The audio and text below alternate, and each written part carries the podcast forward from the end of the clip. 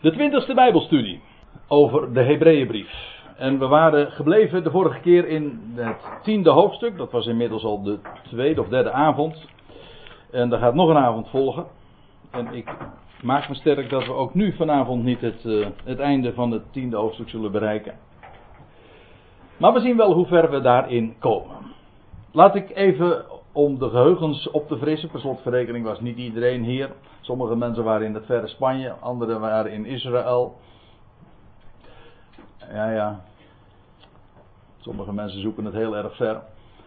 Maar de vorige keer, toen hebben we, zijn we de bespreking begonnen in vers 19 van hoofdstuk 10. En we zijn gebleven bij het 24ste eh, vers. En daar pakken we dan ook weer de draad op. Maar laten we, laat ik nog eventjes kort samenvatten waar het de vorige keer over ging. Dat begint dan met in hoofdstuk 10, vers 19. Hebbenden dus, of uh, hoe staat het? Daar wij dan, broeders. En wat hebben wij dan? Wel, in de eerste plaats volle vrijmoedigheid, zo schrijft de schrijver aan deze Hebreeën. Volle vrijmoedigheid tot het ingaan in de heiligdommen. Ik heb het expres zo gezet, want het staat echt in een meervoud. En ik heb de, het belang daarvan heb ik de vorige keer ook even onderstreept. Toen, we het nog, toen ik even een uitstapje maakte naar dat voorhangsel van de tempel. Dat gescheurd is. Goed, volle vrijmoedigheid tot het ingaan in de heiligdommen, maar dan uiteraard niet het heiligdom op aarde, maar het echte heiligdom, dat wil zeggen het hemels heiligdom. En dan, we hebben de dus volle vrijmoedigheid om in te gaan, maar ook een grote, een mega priester over het huis Gods. Dat was vers 21. Nou, en dan wordt daar een conclusie getrokken. Wij hebben deze twee dingen, zo schrijft de schrijver. Laten wij dan naderen in volle verzekerdheid van geloof. dat is vers 22. Dat gaat over onze relatie ten opzichte van God. En vervolgens laten, laten we vasthouden de beleidenis van de hoop of van de verwachting. En dat vasthouden aan de beleidenis, dat is vooral ook vasthouden te midden van het volk. Dat dat zullen we vanavond ook nog uh, wel veel breder nog be, bezien. Dat het volk juist hen preste om die hoop, die beleidenis los te laten. Laten we vasthouden de beleidenis van de hoop. Dus dat is vooral, deze aansporing is vooral, heeft vooral te maken met de relatie tot het volk. Hier dan uiteraard het volk van de Hebreeën. En laten we acht geven op elkaar tot aanvuring van liefde. En als ik het zo zet, en ik heb die woorden maar even vet gedrukt, dan zie je meteen weer die bekende trits. Geloof, hoop en liefde. Die we vooral natuurlijk bekend, bekend is van uh, eh, 1 Korinthe 13.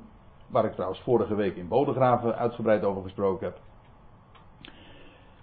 En maar niet alleen trouwens daar, we vinden die trits van geloof, hoop en liefde op vele andere plaatsen ook. Maar dat laatste is dan vooral een, een oproep ten opzichte van de medegelovigen. Laten we acht geven op elkaar tot aanvuring van liefde. Nou, in dat 24e vers waren we gebleven en om weer helemaal goed aan te haken en om ook weer precies te weten waar het over gaat. En om ook niet midden in de zin te vallen, stel ik voor dat we dat 24e vers maar uh, nog eens oppakken. We hebben daar al een paar dingen over gezien. Goed, laten wij op elkaar, op elk ander. Leuk als je zulke woorden dan uh, uitsplitst. Elk ander. Hè. Je, zegt, je zegt het door deze nadruk, begrijp je niet helemaal goed waar het is. Het is elk ander. Laten wij op elk ander uh, acht geven. En ik heb u de vorige keer al laten zien en dat doe ik bij deze dan nog maar een keer, dat het inderdaad te maken heeft met echt opletten, met, met uh, uw oog richten op beschouwen, acht geven, opmerken.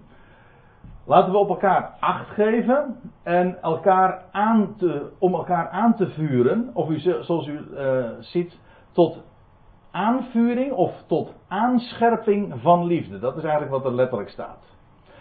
Acht geven, hoezo? Wel om vooral elkaar ook te wijzen op de liefde. En ik zeg u, dit woord liefde is, zoals u dat hier ook ziet, agape. En agape is liefde van God.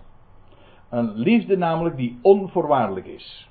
Geen liefde die zoals filio, je hebt diverse Griekse woorden, filio dat is sympathie, dat je gewoon genegenheid hebt voor iemand of voor iets, omdat, dat, omdat die ander bepaalde eigenschappen heeft die jou aantrekken. Ja, dat is filio. Er zijn vele vormen van, van zulke sympathie, van genegenheid, van beminnen. Je houdt van iets om, vanwege de eigenschappen van de ander. En je hebt dan ook nog de, de meer de hartstochtelijke of de lichamelijke liefde, eh, beter bekend als de eros. Maar dit is agape en dat is liefde die niet zijn oorsprong vindt in de ander, maar in God zelf. God die lief heeft. God die al zijn schepselen lief heeft. En waarom heeft hij deze wereld lief? Waarom heeft hij elk schepsel lief? Omdat het zijn schepping is. Nou, dat is, dat is de essentie van die agape. God, deze liefde, dat is dus echte liefde die ook onvoorwaardelijk is, die ook nooit meer kan worden, die kan niet minder worden. Het is liefde die gebaseerd is op God zelf. Nou, waarom acht geven op elkaar? Wel tot aanvuring van die liefde, elkaar daarop te wijzen. Het is dus maar niet lief zijn of aardig zijn voor elkaar, nee, elkaar te wijzen op die liefde Gods. En aanscherping, dat wil ook zeggen inderdaad dat het dus eh, dat je daardoor scherp gemaakt wordt. Het gaat diep. Dat is het. En goede werken.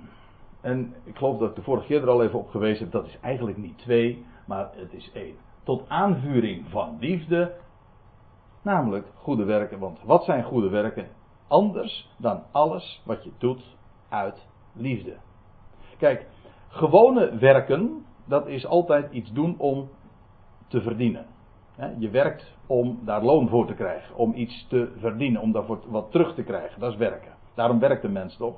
Maar goede werken, dat, zijn, dat is dat wat je doet, niet om er iets voor terug te krijgen, om er iets mee te verdienen, maar gewoon puur om niets. Je doet het uit liefde. Wat we op eh, diverse passages, in diverse passages in de brieven van Paulus, ik denk vooral in Efeze 2, waar gesproken wordt dat we zouden wandelen in, in, de, in goede werken. Die God tevoren bereid heeft opdat we daarin zouden wandelen. Dat wil zeggen, God maakt het allemaal klaar en je wandelt in zijn liefde. En je doet het om niets. Je doet, de dingen, je doet het niet omdat je er iets voor terugkrijgt. En het mooie daarvan vind ik weer, juist die goede werken, dat zijn dus feitelijk de dingen die hij door jou heen doet. Door zijn liefde. En dat, is ook, dat zijn precies ook weer de werken die hij beloont. Dus hij beloont zijn eigen werken. Kijk, in het, er is uh, vaak sprake, misschien is het goed om dat, terwijl ik dat nu zo even opmerk, om dat nog eventjes wat op in te zoomen. Maar je vindt in de Bijbel het idee van loon. van een kroon. Maar wat beloont God nu? Onze, ons gedoe, onze werken, Nee, hij beloont dat wat hij zelf in en door ons doet.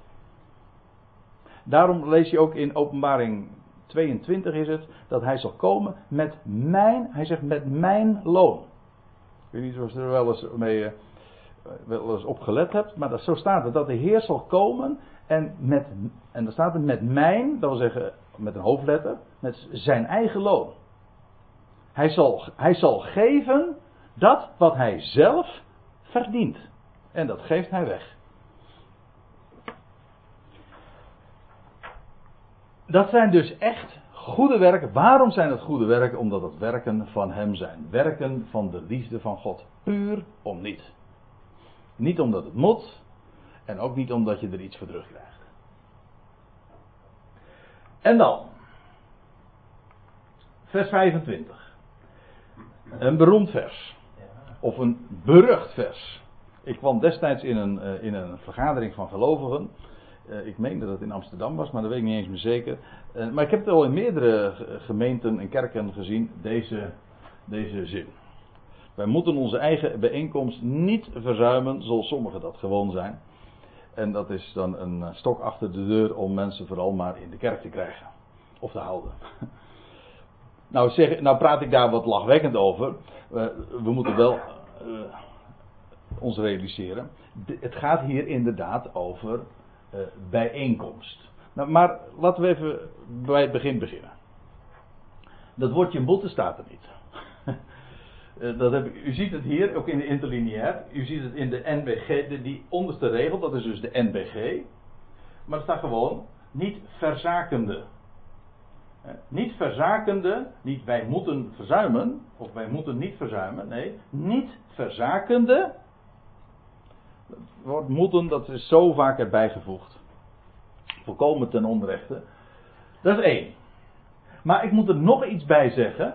En ik, ja, eigenlijk heb ik dat nu al even gezegd. Maar ja, nou ga ik eventjes iets taalkundig zeggen, maar dat, is een tegen, dat noemen ze een tegenwoordig deelwoord.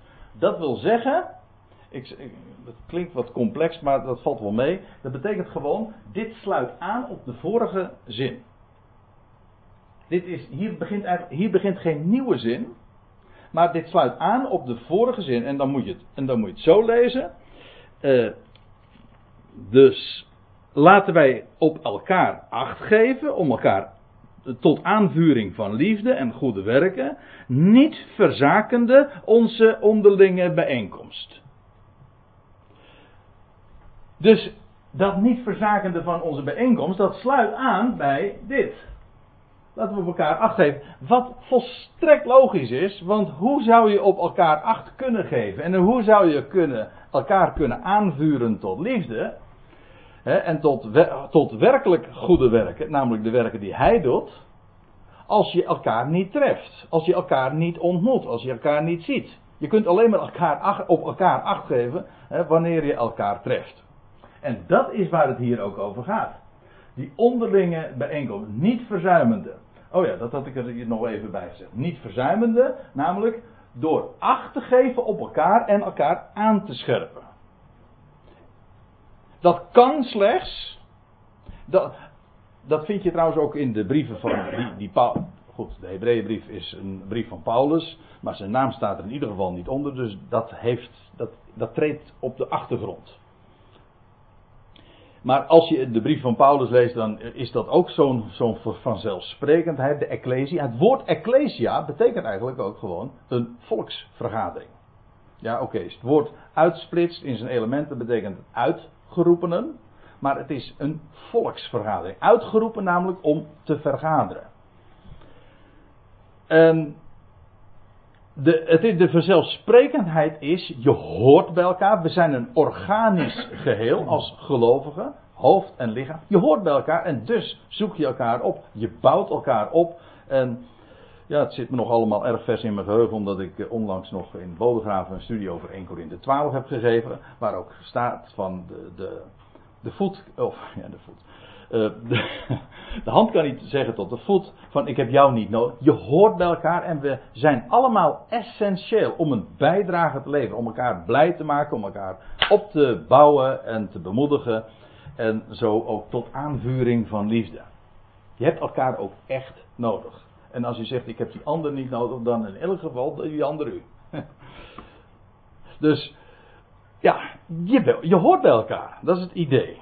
Het is dus een volkomen vanzelfsprekende zaak dat je elkaar dus ontmoet. En dat is hier ook het, uh, de gedachte. Waarbij ik trouwens het woordje ontmoeten vind ik wel heel erg leuk. Vooral in dit, dit verband. wij, wij, wij moeten niet, niet uh, verzuimen. Nee, wij, ont, wij komen juist bij elkaar om elkaar te ontmoeten. Want er zijn, worden zo. Ja, die is, die is mooi hoor. Er worden zoveel lasten op ons gelegd. Al was het maar van godsdienst. En er moet zoveel. En we denken zo. we zijn gaan gebukt onder zoveel. En wat is het dan heerlijk om elkaar in genade te treffen. En elkaar te wijzen op de rijkdom, de vrijheid die we hebben. Kijk, dat is echt ontmoeten. Om elkaar erop te wijzen, we staan in vrijheid. Ont, echt ontmoet te worden. Wat dacht je daarvan? Ja, je kunt iets, eh, een fles ontkurken, dat wil zeggen, haal de kurk eraf. En als ik elkaar ontmoet, dat wil zeggen dat de pressie van het moeten eraf gaat. Ik geef toe, deze verklaring gaat alleen in het Nederlands op, maar hij is wel fraai. Vind ik. Ja, dus dat wordt tegen deze Hebreeën dus gezegd.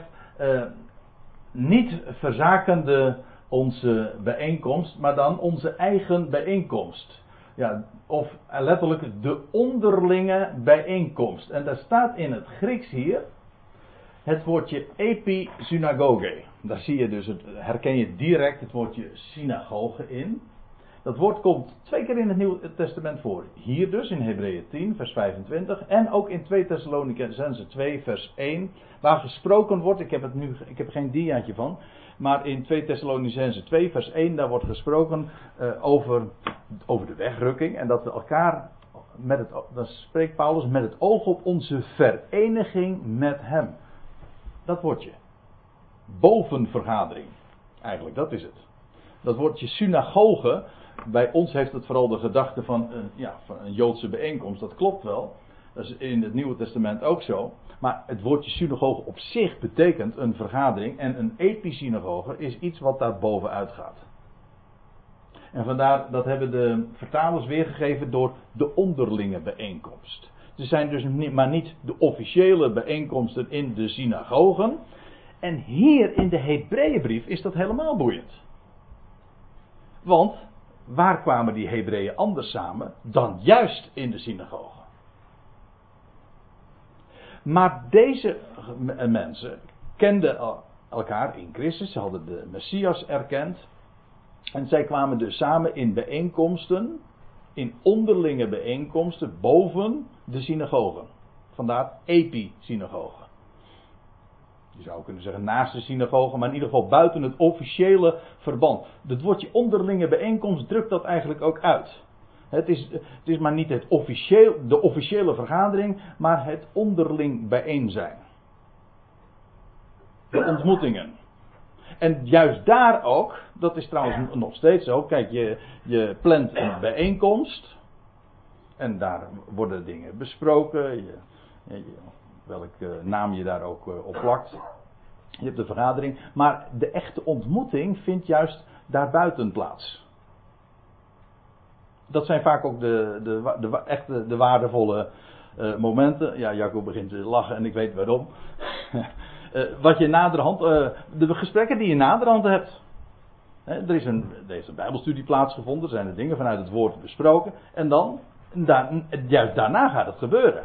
Of je ontmoet elkaar, je, je maakt afspraken. Juist dan kun je elkaar ook. Want in de officiële, in het, tijdens het officiële programma, zeg maar, dan is het vaak toch uh, het is één of een paar mensen die het woord voeren. Maar juist daarbuiten, maar dat wel in dat onderling bijeen zijn, tref je elkaar. Kun je elkaar opbouwen. Hè, naar aanleiding ook van het programma en van het woord. Er is zoveel meer. Dus daar, daar moet je bepaald niet uh, geringschattend over doen. Dat is zo enorm waardevol om elkaar inderdaad te ontmoeten en te treffen. En dat is waar de schrijver uh, hier ook op wijst. Uh, niet uh, onze eigen bijeenkomst niet verzuimen, ja, aan het lot overlaten. Dat is dat woord voorzeking. dus ver, ja, aan het lot overlaten of verzuiken, ver, verzuiken, verzaken. En dat staat tegenover, dat is ook wel fraai, als je de connectie met vers 24 vasthoudt. Daar werd gesproken over op elkaar acht geven. En dat staat tegenover de bijeenkomst, de onderlinge bijeenkomst niet verzaken. Je geeft acht op elkaar, je let op elkaar. En het tegenovergestelde is iets aan het lot overlaten. En namelijk die onderlinge bijeenkomst. En dan staat er nog bij, zoals sommigen dat gewoon zijn. Wat was hun gewoonte? Wel om die onderlinge bijeenkomst dus juist wel te verzaken. Het is boeiend, maar dat woord gewoon, dat is, dat kennen we allemaal. Dat is het woordje ethos. Ja, dat kennen de dames wellicht van, vooral van een, uh, van een winkel. Zonder H. Maar dat, dat, bedoel ik nu eigenlijk niet. Ik bedoel de uh, ethos van, zoals het in het Nederlands terecht is gekomen, ethiek. Ethisch. Maar en bij ons heeft ethiek dan de betekenis van goed en kwaad. De ethiek is ook een officieel vak op elke theologische faculteit. Eh, een van de belangrijkste vakken, want je moet je bezighouden wat mag wel en wat mag niet. Dat is vooral ethiek. Wat mag wel en wat mag niet. Maar de grap is, dat woordje uh, ethos, dat betekent een gebruik, in het Engels custom. Een gebruik of een gewoonte. En we komen dat woord uh, ik meen een stuk of 12, 13, 14 keer voor, uh, tegen in het Nieuwe Testament. En het is boeiend om daar toch eens eventjes langs te gaan. Ja, niet al die schriftplaatsen te laten zien waar dat woord gewoonte gebruikt wordt. Matthäus 27, vers 15. Daar lees je, in, dat is in de Leidensgeschiedenis, nu was de stadhouder, Pilatus hier dus, bij elk feest gewoon, een gewoonte, het was een gebruik, een gevangene ter keuze van de schade los te laten. Het was een gewoonte. Lucas 2, vers 42. Toen hij, gaat het over Jezus, 12 jaar was geworden. Eigenlijk staat er trouwens, maar dat even terzijde. Toen hij 12 jaar werd.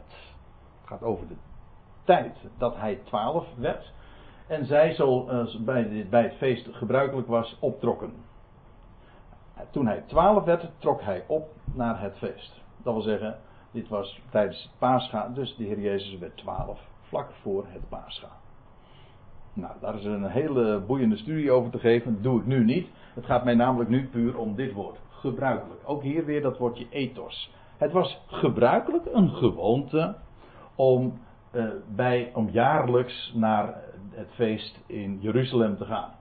Lucas 4, vers 16, daar staat, en hij, Jezus, um, nee. Nou, wie dit is, weet ik even niet. Ik zou even op moeten zoeken. Maar goed, hij kwam ernaast waar hij op. Ja, dat moet dan toch een hoofdletter zijn. Enfin, uh, waar hij opgevoed was, Jezus. En hij ging volgens. Hier, is ook boeiend. In dit verband. Hij ging volgens zijn gewoonte op de Sabbatdag naar de synagoge en hij stond op om voor te lezen. Hij ging, oh, letterlijk staat er, ik meen in de Statenvertaling ook, naar zijn gewoonte.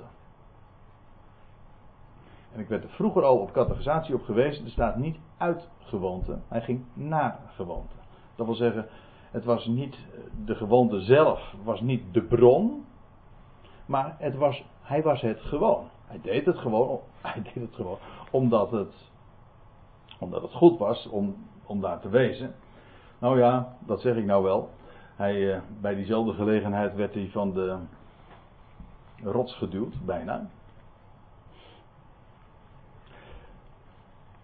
Hij ging naar zijn gewoonte. Laat ik me daar even naartoe beperken. Ethos. Nog één, Lucas 22. En hij verliet, Jezus verliet de stad en ging zoals hij gewoon was naar de Olijfberg. En ook zijn discipelen volgden hem. Ook hier weer dat woordje gewoonte of gebruik. Zie je, het heeft niets te maken met goed en kwaad. Het is een gebruik. Zoals het een gebruik is bij mij, bij ons thuis, dat we zes uur s avonds eten. Dat is gebruikelijk. Zo heb je allemaal zo je gewoonten en gebruiken. Handelingen 16, vers 21. En zij, en, oh ja, dan wordt het de, beschuldigd. Dan wordt Paulus en Silas eh, worden beschuldigd. Eh, en dan wordt er gezegd over hen. En zij verkondigen zeden die wij als Romeinen niet mogen aanvaarden of volgen. Hier wordt het dan vertaald met zeden. Maar ook hier staat weer exact hetzelfde woord, ethos. Gebruiken. Zij verkondigen gewoonten. Handelingen 17, vers 2. En Paulus ging, Paulus zelf dus, net lazen we het over de Heer Jezus, hier lezen we het over Paulus. En Paulus ging, zoals hij gewoon was, daar binnen, dat wil zeggen de synagoge, en behandelde drie sabbaten achtereen met hen gedeelten uit de schriften. Hij had die gewoonte. Handelingen 21, vers 21. Nu heeft men hun. Ik moet even inleiding geven. Even een korte toelichting tot, deze, tot dit vers. Waarom? Omdat Paulus hier in Jeruzalem is gearriveerd. De grond was hem zeer, zeer heet onder de voeten. Hij treft daar Jacobus en de leidende broeders daar. Jacobus, de broeder des Heren, die daar eh, een vooraanstaande positie had in Jeruzalem. En de naam Paulus lag daar buitengewoon gevoelig. Paulus wist ook dat wat hem in Jeruzalem nu zou overkomen. Hij zou gevangen genomen worden. Hij zou nog een paar jaar in Caesarea terechtkomen, daar aan de kust. En vervolgens zou hij naar Rome worden gedeporteerd. Goed, hij komt daar in Jeruzalem en dan zegt Jacobus tegen Paulus: Nu heeft men hun, dat wil zeggen hier al die, ja, moet je je voorstellen, daar in Jeruzalem, toen Paulus daar kwam, waren daar inmiddels tienduizenden Joodse gelovigen. Dat wil zeggen, Messias beleidende Joden. Joden dus die geloofden dat Jezus de Messias. Tienduizenden. Staat er in Handelingen 21. was een enorme grote groep. In het begin waren er veel vervolgingen geweest. Die vervolgingen waren weer geluwd. En daar waren, eh, die, die, gemeenschap van, van Messias beleidende Joden was enorm groot geworden. Dat is precies dus de gemeenschap die hier in de Hebreeënbrief aangeschreven wordt. Op een iets later tijdstip.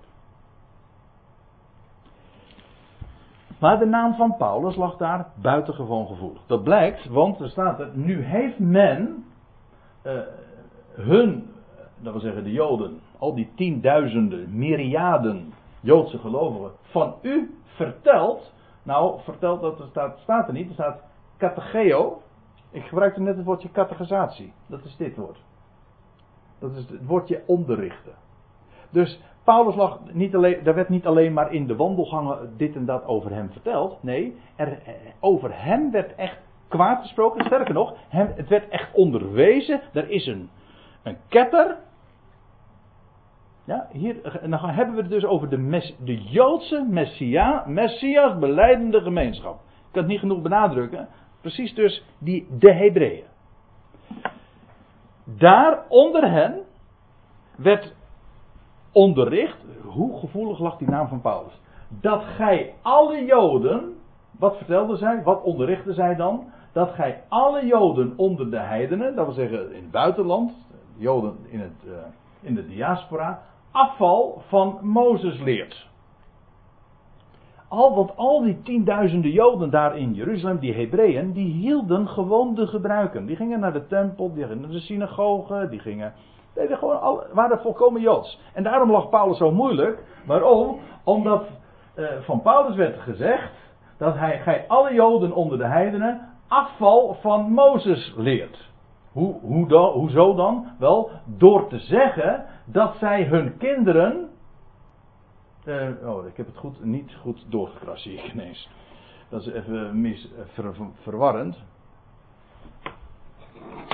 Nou ga ik het even goed doen. Wat zeiden zij nu van die Paulus? Dat Paulus zou beweren dat zij hun kinderen niet zouden besnijden en naar de gebruiken te wandelen. Dat is wat ze, wat ze van Paulus zeiden. Deze vertaling, dat behoeven dat is er, dat hebben de vertalers er aan toegevoegd. En daarmee ze, geven ze een volkomen verkeerd beeld. Wat zeiden ze nou over Paulus?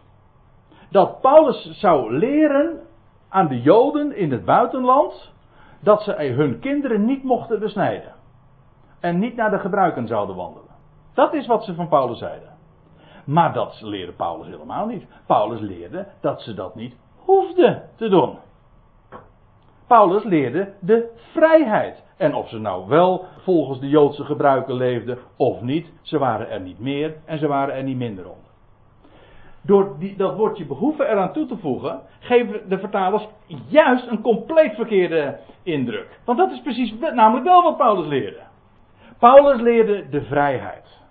Dat is wat hij leerde. Niet dat zij hun kinderen niet mochten laten besnijden of niet naar de synagoge mochten laten gaan. Of, ze waren daarin vrij. Maar juist door het zo voor te stellen, hebben ze Paulus willen beschuldigen van afval van Mozes. Maar dat was helemaal niet aan de orde.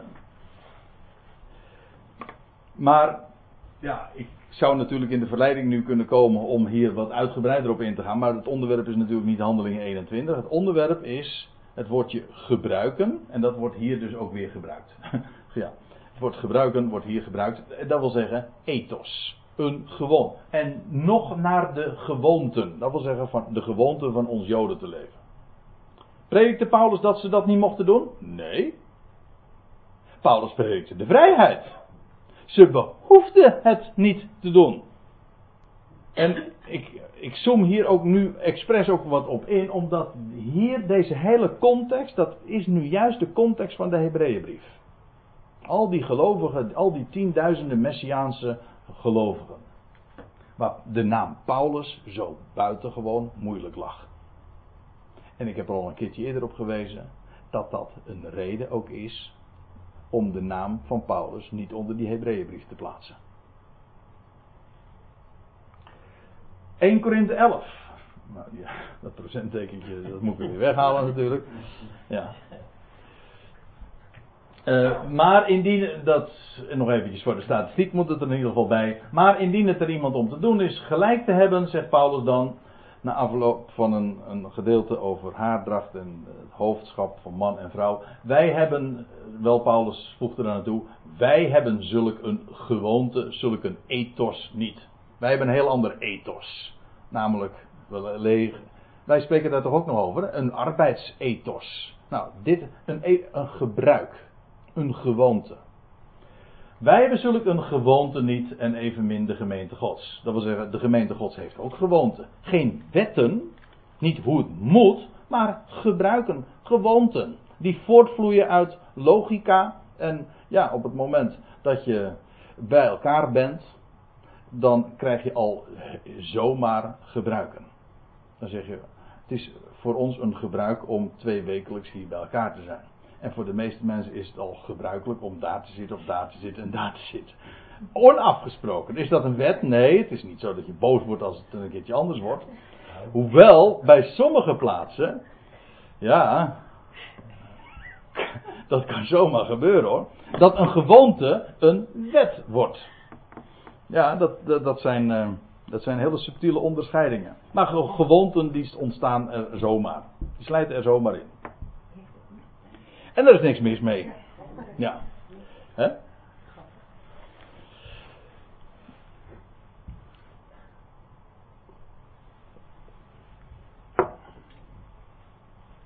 Nou, dat even als, als een, een, kleine excursie over dat woordje ethos. Een gebruik, een gewoonte. Het ging dus over het punt dat sommigen een gebruik hebben, een ethiek of een, een ethos, een gewoonte om de onderlinge bijeenkomst te. Uh, voorzeker, wat was dat ook weer? Te verzaken, ja, dat was het. Te verzuimen, te verzaken. En daar geen, daar geen waarde aan toe te kennen. Wel zegt Paulus, of de schrijver van de Hebreeënbrief, uh, die gewoonte, die is. Uh, dat is geen goede gewoonte. Er zijn goede gewoonten en er zijn minder goede gewoonten, om zo te zeggen. Maar juist zegt hij, om elkaar aan te sporen. En dan komen we weer precies daar waar we al waren, namelijk aanvuren tot liefde. Op elkaar acht geven. Hier ook weer om elk ander aan te sporen. Dat woordje aansporen. In de Statenvertaling staat hier vermanen. Dat is, ja, dan heb je weer zo'n woord. Dat natuurlijk ook een bepaalde klank heeft gekregen van die opgeheven vinger vermanen. Maar dat is het helemaal niet. Het is het Griekse woordje parakaleo en dat heeft te maken met ernaast roepen. En vooral de functie van aanmoedigen. Vandaar ook dat de weergave en de MBG uh, er helemaal niet zo uh, naast zit. Elkaar aansporen, aanmoedigen. Dat hebben we ook nodig. Dat is gewoon ook wat je, wat je nodig hebt. Zo en daarom is die ontmoeting van elkaar een verademing. Als je die aansporing, eh, als die aanmoedigingen mist, dan mis je heel veel. En dat schrijft de, wordt er dan toegevoegd door de schrijver. En dat des te meer, naarmate gij de dag ziet naderen. En dan komen we wel weer echt in die typisch Hebreeuwse en die, context van de Hebreeën. Kijk, er zijn van die dingen die, dat zijn we eigenlijk in de, vanaf de aanvang al zo vaak tegengekomen. Van allemaal van die elementen die, ja, waarvan we op ons klompen aanvoelen. Ja, die, zijn, die vinden we ook in de andere brieven. Dat geldt voor ons net zo. Of die priester die in de hemelsheiligdom is en die onze belangen behartigt. Ja, dan zeggen we van wauw, geweldig. Dat is precies ook inhoud die helemaal bij ons past. Er zijn ook echt dingen waar die typisch, en daarin zie je ook het belang van het indelen van die schriften. En dat je ook beseft dat deze Hebreeënbrief gericht is aan Hebreeën. Wel, die dag waar het hier over gaat, ja, dat is wat later in dit hoofdstuk nog uh, veel, veel sterker be, benadrukt wordt, onderstreept wordt. Want over welke dag gaat het dan? Over welke dag heeft hij het hier? Nou, ja, ik heb, het plaatje had eigenlijk later erin moeten komen, maar goed, ik heb u u meteen nu een, een aardige hint. De dag. Nou, laten we gewoon ons even beperken tot dit hoofdstuk. Om de vraag te beantwoorden. Er wordt hier gesproken, want het de laatste deel van dit hoofdstuk is buitengewoon ernstig. En velen zijn er ook al door eh, misleid. Ja, niet door dit gedeelte, maar door doordat men niet wist waar dit betrekking op had. En doordat men dit zomaar lukraak op zichzelf toepaste. En dan ging men denken aan, aan de hel. Maar goed,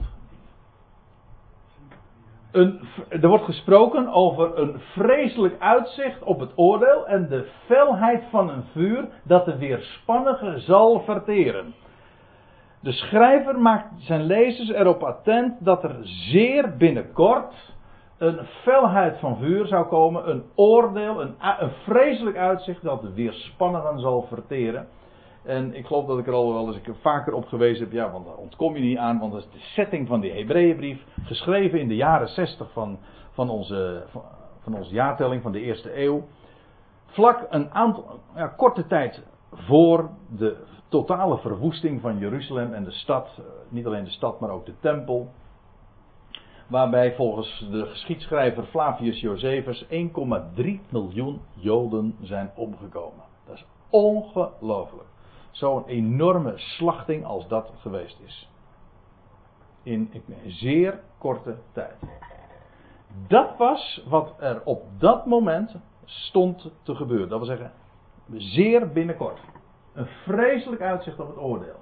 En eh, er staat ook nog, de Heere, vers, hoofdstuk 10, vers 30. De Heere zal zijn volk oordelen. Ik kom daar straks trouwens nog wel uh, wat nader op in, uh, op terug.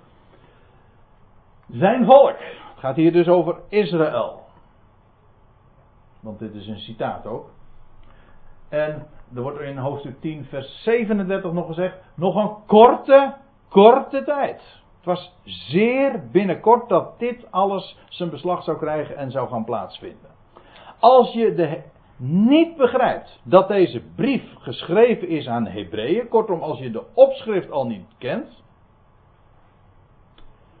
dan zal je nooit deze brief kunnen verstaan. Zoals je de Jacobusbrief nooit zal kunnen begrijpen als je niet de aanhef verstaat, namelijk dat de brief geschreven is door Jacobus aan de twaalf stammen.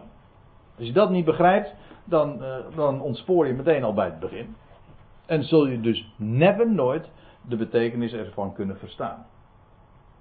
Wel, de dag waar het hier over gaat is die dag die spoedig zou aanbreken en dat is de verwoesting van Jeruzalem. Maar ook, dat moet ik erbij zeggen, de uitkomst die er was voor degene die de legerplaats zouden verlaten. We komen daar later nog op, over te spreken in hoofdstuk 13. Die tijdig hun, uh, een uitweg zouden zoeken en, en de stad zouden verlaten.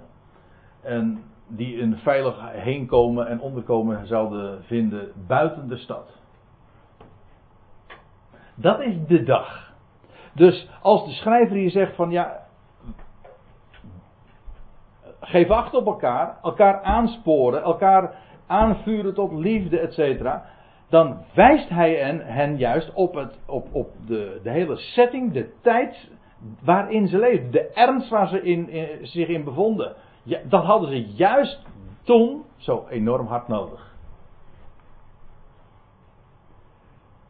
Ja, er staat trouwens, gij de dag ziet naderen, je, het woordje zien is eigenlijk echt observeren. Je kunt gewoon observeren dat de dag nadert. En dat laat zich ook heel gemakkelijk verstaan, want wat gebeurde er in die dagen?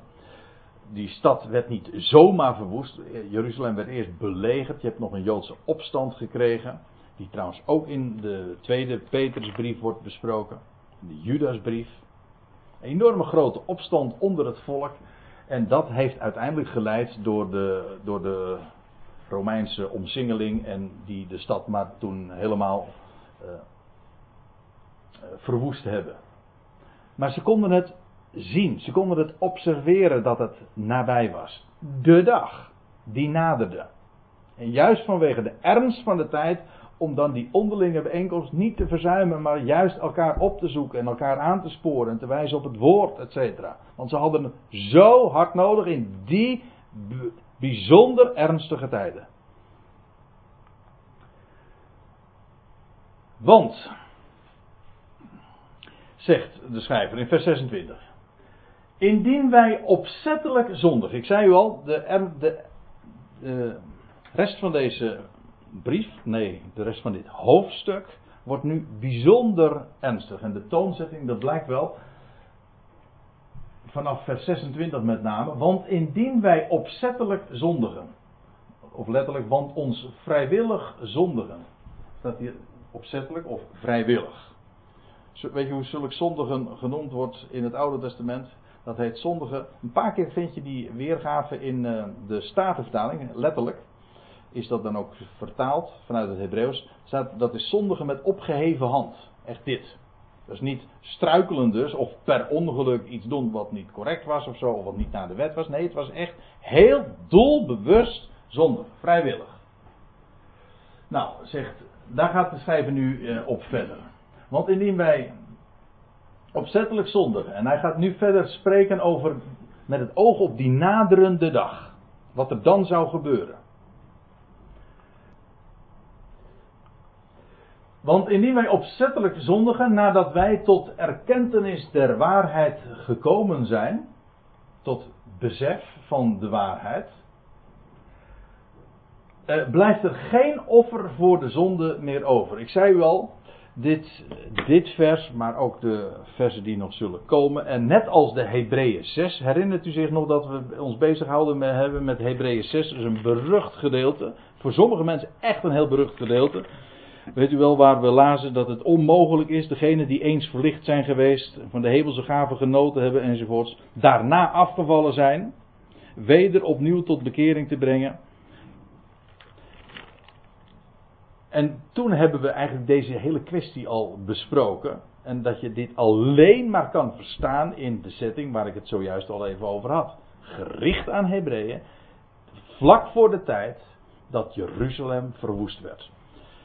Als je dat niet ziet, begrijp je dit vers dus ook niet. Het gaat hier over de, de vele Hebreeën die, die daar waren. Ik zei u al, ik had het over tienduizenden Messias beleidende Joden, maar er was veel kaf onder het koren. Er waren er velen ook die meegenomen werden door de stroom. Want ik zei u, in het begin van het boek Handelingen toen het, het getuigenis klonk van de twaalf, van de Messias, de opgewekte Messias, toen waren er in eerste instantie vele uh, vervolgingen en vele verdrukkingen. Later is dat gaan luwen en is er een hele grote Joodse gemeenschap ontstaan van Messias beleidende Joden. En zo, vandaar ook dat ik het zojuist dat getal noemde van tienduizenden. Maar er was veel kaf onder het koren die allemaal waren meegenomen, ook door de vele wondertekenen die ze hebben gezien. En dat zie je al in de Evangelie, dat velen zich vergaapten aan de, aan de wonderen en de tekenen en die daarom Jezus gingen volgen. Maar dat is niet omdat men in het hart geraakt was door het woord, maar door het spektakel. En ik zei u al, eh, of nou ik noemde al de Hebreeën 6, maar dat is misschien nu wel weer even op zijn plaats. Daar staat in Hebreeën 6, daar wordt er gesproken over. Is onmogelijk degenen die eens verlicht zijn geweest van de hemelse gaven genoten hebben. En er staat erachter, en de krachten van de toekomende eeuw gesmaakt hebben. Hebreeën 6, vers 4 tot en met 6. Dus zij hebben krachten gezien, nee, krachten gesmaakt. Ze hebben dat dus van zeer nabij ge, ge, ge, geproefd. Grote, wonderlijke dingen. En ze hebben die krachten van de, die horen eigenlijk bij de toekomende eeuw, hebben zij meegemaakt. Geweldige wondertekenen. Waardoor ze er dus velen binnen het Jodendom van die dagen tot geloof zijn gekomen. Ja, maar tot geloof, ik, ik zet al tussen aanhalingstekens. Natuurlijk waren er velen die waarachtig geloofden. Maar er waren er ook velen die eh, geleid waren door ja, die krachten, door het spektakel. Wondergeloof heet dat dan. Hè? En nu waren die wonderen verminderd. Nee, verminderd, waren opgehouden. En nu uh, kwam er opnieuw weer een enorme vervolging. We zullen dat ook in de rest van dit hoofdstuk nog zien. Weer vervolging, weer onder enorme druk. En nu dreigt al die naambeleiders, degene die meegenomen waren, aanvankelijk door, de, door het spektakel, door, die, ja, door al die wonderen, dreigden ze weer af te vallen. En vanwege de enorme vervolging moesten ze Jezus, als Messias, echt ook vervloeken. De zoon van God vertreden. We zullen dat straks ook nog zien. En juist door die druk kwam uit wat waar was en wat niet waar was. Wat waarachtig was. Wat, degene die van harte geloofde, of degene die alleen maar onder de indruk waren voor, vanwege al dat spektakel en door de massa en dat soort uiterlijke verschijnselen. Wel, als zij opzettelijk stonden, en ze waren ooit tot besef gekomen, tot erkenning van Jezus de Messias, ze waren dus tot erkentenis der waarheid gekomen, maar als ze nu opzettelijk zondigen en dat aan de kant schoven, verwierpen, heel openlijk zelfs, vervloekten, we komen daar straks in het volgende vers en de volgende versen nog op terug, dat, wel, dat was echt opzettelijk, heel doelbewust, dus afstand doen van Jezus als de Messias. Wel, zegt de schrijver, dan blijft er geen offer voor de zonde meer over. En ik weet dat dit zo'n woord is waardoor velen, vele christenen zijn eh, bang gemaakt. En omdat het op hen toegepast wordt terwijl ze niet wisten waar het over ging. Waar gaat het hier over? Wel, het gaat hier over mensen die het offer nu verwierpen. Ze waren ooit tot erkenning gekomen van Jezus de Messias, maar het was slechts uiterlijk. Vanwege het spektakel, vanwege alle uiterlijk vertoon. Nu verwierp men hem, openlijk, zodat ze het offer niet meer hadden. Maar vervolgens, de offerdienst stond op het punt te verdwijnen, de stempel ging verdwijnen, zodat er voor hen helemaal geen offer voor de zonde meer overbleef. Dus het offer verwierpen ze, de offerdienst stond op het punt te verdwijnen. Nou, wat was er, wat bleef er dan voor hen nog offer aan offer voor de zonde over? Het gaat er dus niet om dat, om hier, om mensen dat die voor, voor eeuwig, zoals dat dan wordt opgevat, hopeloos verloren of verdomd waren. Nee, het gaat om mensen die in het Jodendom tot erkenning waren gekomen, nu de Messias verwierpen en daardoor het offer niet meer hadden en de offerdienst sowieso kwijt zouden raken vanwege de val van Jeruzalem. Zodat er voor hen geen offer voor de zonde meer overbleef. En dan krijgt het ineens een heel andere betekenis. Hoe? Is dat zo? Moet je daarvoor zoveel verklaren? Nee, helemaal niet. Als je eenmaal de setting begrijpt van deze brief, aan wie het gericht is, dan begrijp je ook waar het hier over gaat. Of dat je bang gemaakt wordt van kijk maar uit dat je niet dat je maar niet afvalt of dat je niet het, uh, het, het, ware pad verlaat, want anders wordt het voor, is het voor jou hopeloos gesteld en dan is het offer van Jezus Christus is voor jou uh, niet voldoende en zul je desondanks verloren gaan. Zo heb ik het ook ooit gehoord, de uitleg. Dit is de, dat is de standaard uitleg. Het staat er helemaal haaks op, want als je er zo over denkt en zo over spreekt, dan ken je het offer van Jezus Christus niet eens. Het offer van Jezus Christus is juist dat hij de zonde der wereld wegneemt. Ja toch? Dat is wat het zijn. Het is hier dus. Gaat hier heel uitdrukkelijk over die Joden die tot erkentenis van de waarheid waren gekomen en die nu het offer verwierpen. En daardoor bleef er geen offer voor de zonde voor hen meer over. Maar wat wel een vreselijk uitzicht op het oordeel en de felheid van een vuur dat de weerspannige zal, verteren, zal verteren. En ik wees er zojuist al even op. Die felheid van een vuur, ja, weet u wat men daar dan van zegt? Nou, u weet het natuurlijk al lang. Want ja, dat is koren op de molen natuurlijk voor alle die de hel en verdoemenis prediken. En dan zeg je, zie je wel, want dit, is, dit is een van die bewijsteksten. Een felheid van vuur, een hel en verdoemenis. Dat, zo staat het er hier toch? Ja. Nou, ik zal u dus vertellen, het gaat niet over de hel, maar het gaat over de verwoesting van Jeruzalem in het jaar 70. Dat heel de stad met recht ook in vlammen opging. En heel de tempel. Is bekend, er is geen steen op de andere gelaten van de tempel. Maar sterker nog, ook de stad is compleet verbrand. Een felheid van vuur, vreselijk, dat de weerspannige zal vertreden. En ik, ik heb er nu al diverse keren op gewezen wat toen in die tijd is gebeurd. Maar met recht, dat is dus niet figuurlijk, gaat niet over de hel, het gaat over een concrete verbranding van een stad in die tijd, dat ook dat vreselijk is geweest. En weet u, ik wil van de ernst hier niets van afdoen, maar ik vind vreselijk wat men er hiervan gemaakt heeft. Namelijk door er een mythische hel uit te destilleren. Stel voor dat we eerst maar eventjes zullen.